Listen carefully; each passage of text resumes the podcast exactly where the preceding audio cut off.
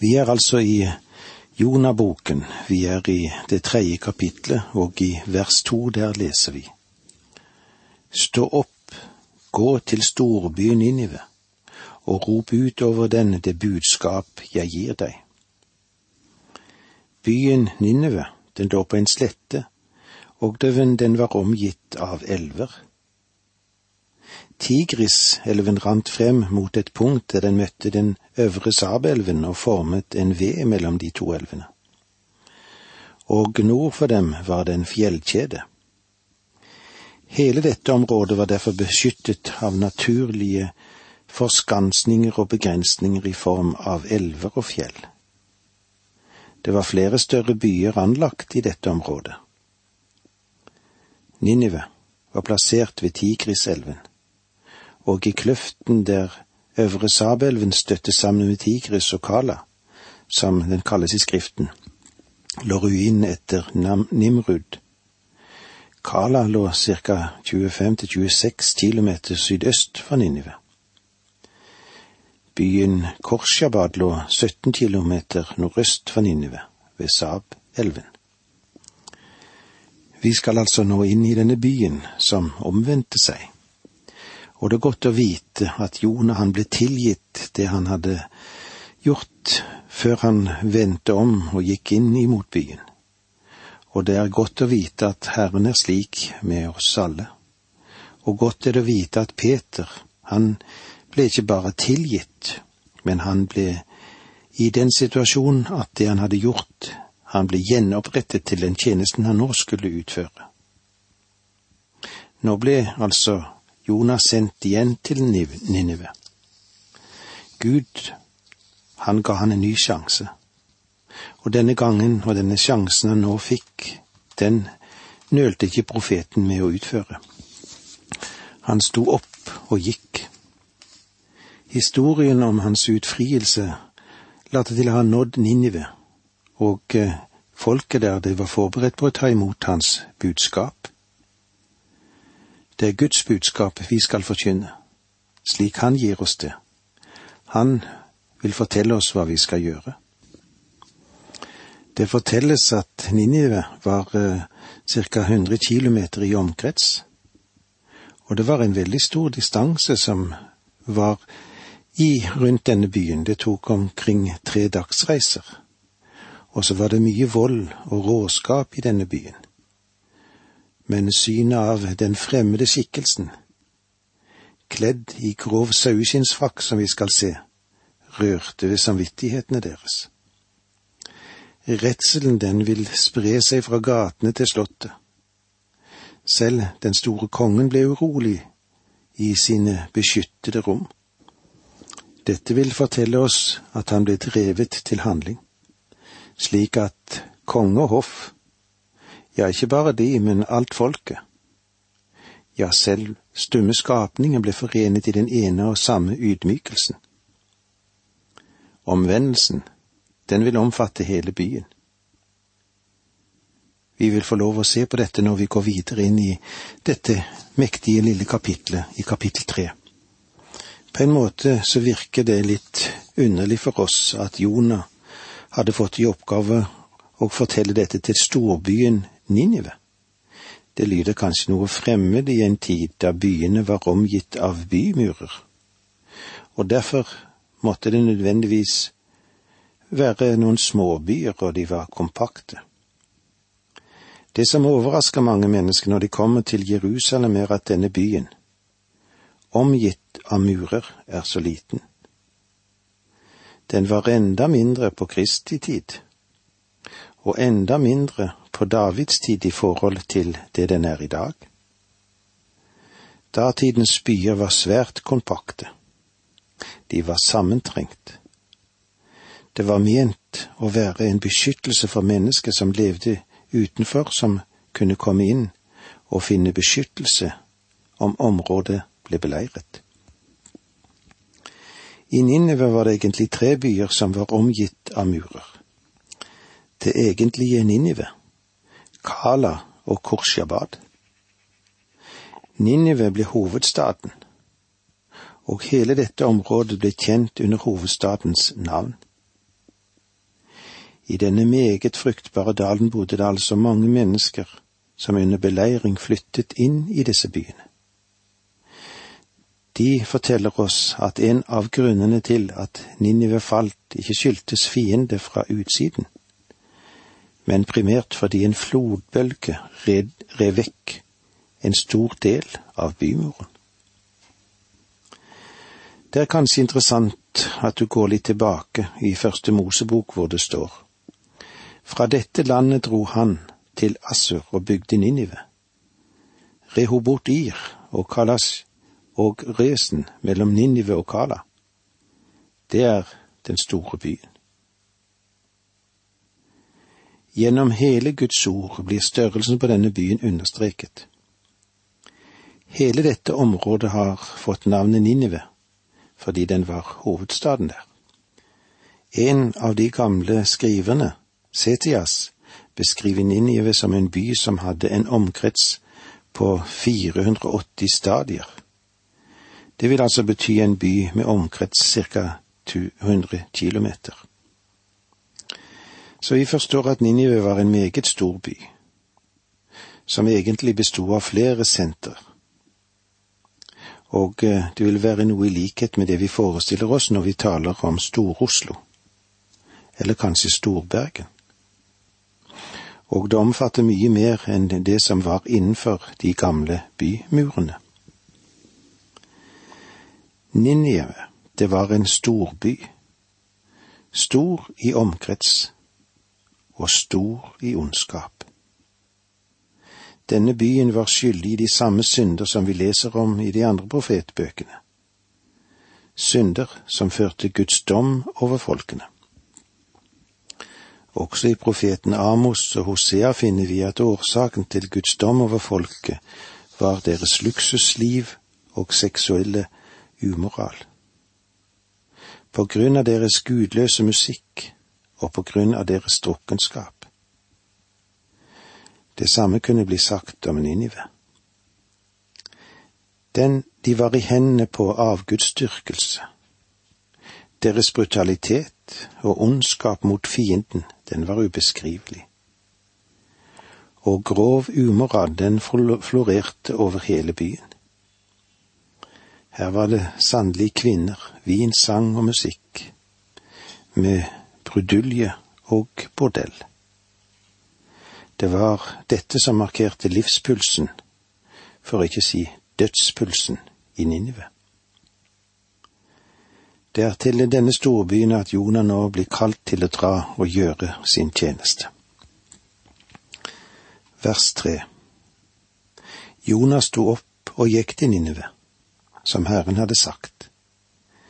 Ninive var en stor by for Gud, tre dagsreiser lang. Legg merke til at Jonah nå gjør dette som Herren hadde sagt.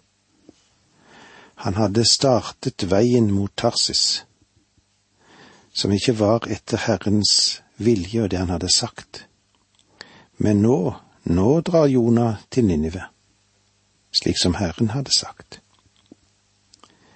Ninive var en stor by for Gud, tre dagsreiser lang. Dette er et utsagn som har fått kritikerne til å le og latterliggjøre hele boken. For så stor kunne det ikke Ninive være. Faktum er, som jeg har forsøkt å forklare, at det ville ta atskillige timer bare å gå gjennom en av disse bysamfunnene. Men det var altså tre bysamfunn. Mellom dem lå store områder og med en total befolkningsmengde som er anslått til flere millioner. Det er til dette området Jonah nå kommer. Det var en stor by for Gud, tre dagsreiser lang. Og det var det vi fikk med oss i dag. Takk for nå, må Gud være med deg. Dette undervisningsprogrammet består av to deler. Åge Nevland fortsetter nå med andre del av dagens undervisning. Vi er i profeten Jonah, i det tredje kapitlet der og vi skal følge Jonah når han går inn i byen Ninive. Her er det et mektig budskap som skal meddeles dette folket. I vers fire leser vi slik. Jonah gikk en dagsreise inn i byen og ropte, om 40 dager skal Ninive legges i grus. Ninive, det er en av de største byene i den tiden, det. Hovedstaden som lå på den østlige delen av Tigris, midt imot det som vi i dag kaller for Mosul. Dens grunnlegger var Nimrod. Dette var altså en urgammel by. Og eh, storhetstiden, den begynte ca. 704 til 681 før Kristus, og den gjorde altså Ninive til Asyrias hovedstad. Det fortelles òg at utover langs Tigris oppsto den oppstod under den ene regenten etter den andre, de asyriske herskere sin utålmodige plan om å bygge store palasser, og ikke bare palasser, men òg store, imponerende tempeltårn. Ninives høye og massive murer, som Sandgreb bygde, strakte seg fire kilometer langs strand. Ja, her var praktfulle palasser, men de ble styrt med jernhånd. Og den vestlige asiatiske verden tok opp skatt fra alle rikene omkring. Og eh, det tok Jonah lang tid å dekke dette om store området. Han hadde jo ikke radio. Han hadde heller ikke høyttaler. Men jeg har av og til undret meg på hvordan han bar seg ad. Jeg tror at han dro fra kvartal til kvartal og forkynte Herrens budskap, til han kom inn imot sentrum av byen. En dagsreise frem der det var en bema, en slags Hyde Park-kolle der han kunne kunngjøre det han hadde på hjertet. Han hadde altså ingen moderne metoder å ta i bruk, eller moderne strategi. Han kunne ikke leie en stadion eller en idrettshall. Her var det ingen annonsekampanjer. Her var det ingen langsiktige bønnesamlinger. Han hadde ingen som han kunne alliere seg med. Han hadde ingen fremstående og dyktig sanger, ikke noe orkester eller berømt gospelkor. Han var ikke der for å underholde eller blidgjøre menneskene. Det var verken hans kall eller hans oppgave. Jonah brukte en metode som er litt forskjellig fra noen av dem vi kunne ha brukt i dag. Hans forse var at han var et menneske oppstått fra de døde. Og jeg tror at Ninives befolkning var klar over dette. En mann som hadde tilbrakt tre dager og tre netter i en fisk, hadde jo ingen mulighet til å overleve det.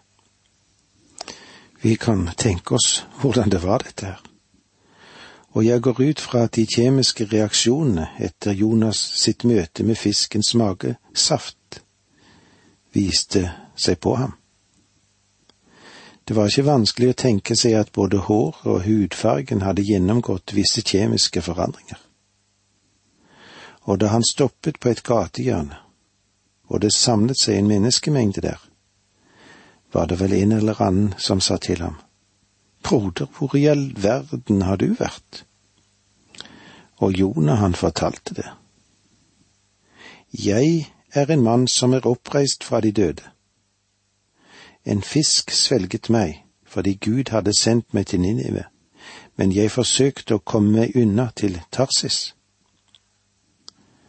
Folket lo ikke Jonah ut eller trakk på skuldrene til hans historie.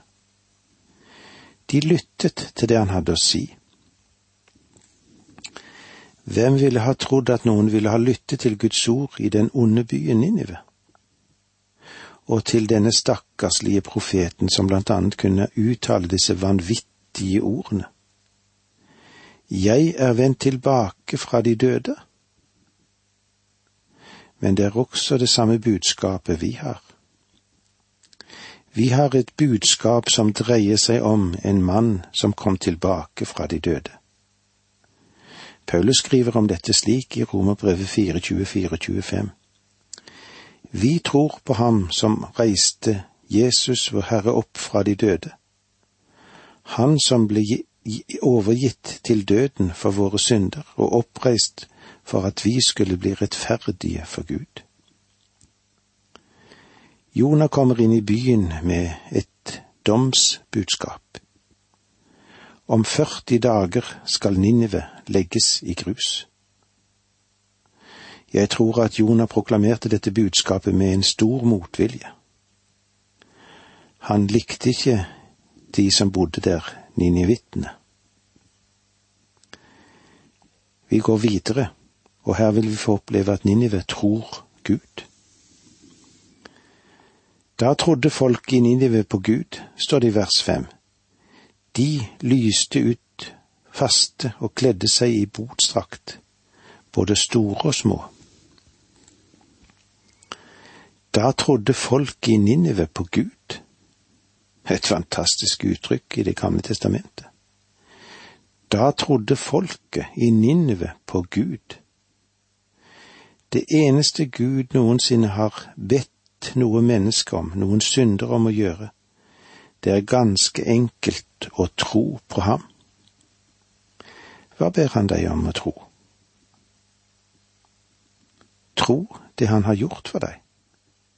Tro at Kristus døde for deg, at han døde for deg og for din synd. Tro at han ble oppreist igjen og nå sitter ved Guds høyre hånd. Folket i Ninive trodde Gud, og det er fremdeles det viktigste i dag. Da trodde folket i Ninive på Gud. Jeg er redd for at vi rundt om i våre menigheter har mange mennesker som er flittige som maur. De deltar i aktiviteter, er med på seminarer, men de kjenner ikke Gud. Og jeg møter mange mennesker som forteller meg hvor mye de er med på i de forskjellige sammenhenger, hvilke predikanter de har hørt, og hvilket budskap de har formidlet. Nå og da har jeg vært frekk nok til å si til en og annen. Det er godt å høre at hun er aktivt med i kristen sammenheng, men eh, kan jeg få lov til å stille deg et spørsmål? Tror du Gud? Det er jo selve kardinalspørsmålet, dette, ikke sant? Da trodde folk i Ninive på Gud. De lyste ut faste. De demonstrerte sin tro. Tro, det leder alltid til gjerninger. Og kledde seg i botsdrakt, både store og små vers seks. Saken kom også kongen i Ninive for øre. Da reiste han seg fra tronstolen og tok av seg kongekappen. Han kledde seg i botsdrakt og satte seg i støvet. Når mennesker gjør det, er de ikke lenger interessert i å begå synd. De er i dyp anger og bot for Guds åsyn og ber Gud om barmhjertighet. Og når du ber Gud om barmhjertighet, så skal du sannelig finne ut at Han er barmhjertig. Vi leser nå sammen vers syv her i kapittel tre. Etter påbud fra kongen og hans stormenn ble det utropt i Ninive. Verken mennesker eller dyr, verken storfe eller småfe skal spise noe de skal ikke gå på beite og drikke vann. Alle disse mennesker, mange av de var også alkoholikere. De blir nå beordret til å ikke engang drikke vann. Vers åtte. Men de skal kle seg i botstrakt, både mennesker og dyr, og rope til Gud av all makt og vende om fra sin onde ferd og den urett de gjør. Du må vende deg fra din synd, er budskapet som kommer. Når du kommer til Kristus, så kan du komme presis akkurat slik som du er. Men når du kommer, så vil du vende deg fra din synd. Det er ikke mulig at du kan ta imot ham uten å vende deg bort fra synden. De skal vende om fra sin onde ferd og den urett de gjør. Ninevitne, hvilket folk var det? Jo, det var et brutalt folk, og de var overmettet av vold. Deres ondskap og den brutalitet som fantes der, gikk det frasagn om. Og nå sier kongen, vend om fra alt dette og rop til Gud om barmhjertighet. Og med disse ordene må vi si takk for nå. Vi skal komme videre inn på hvordan det går i Ninive når vi møtes igjen. Må så Guds nåde og fred være med deg.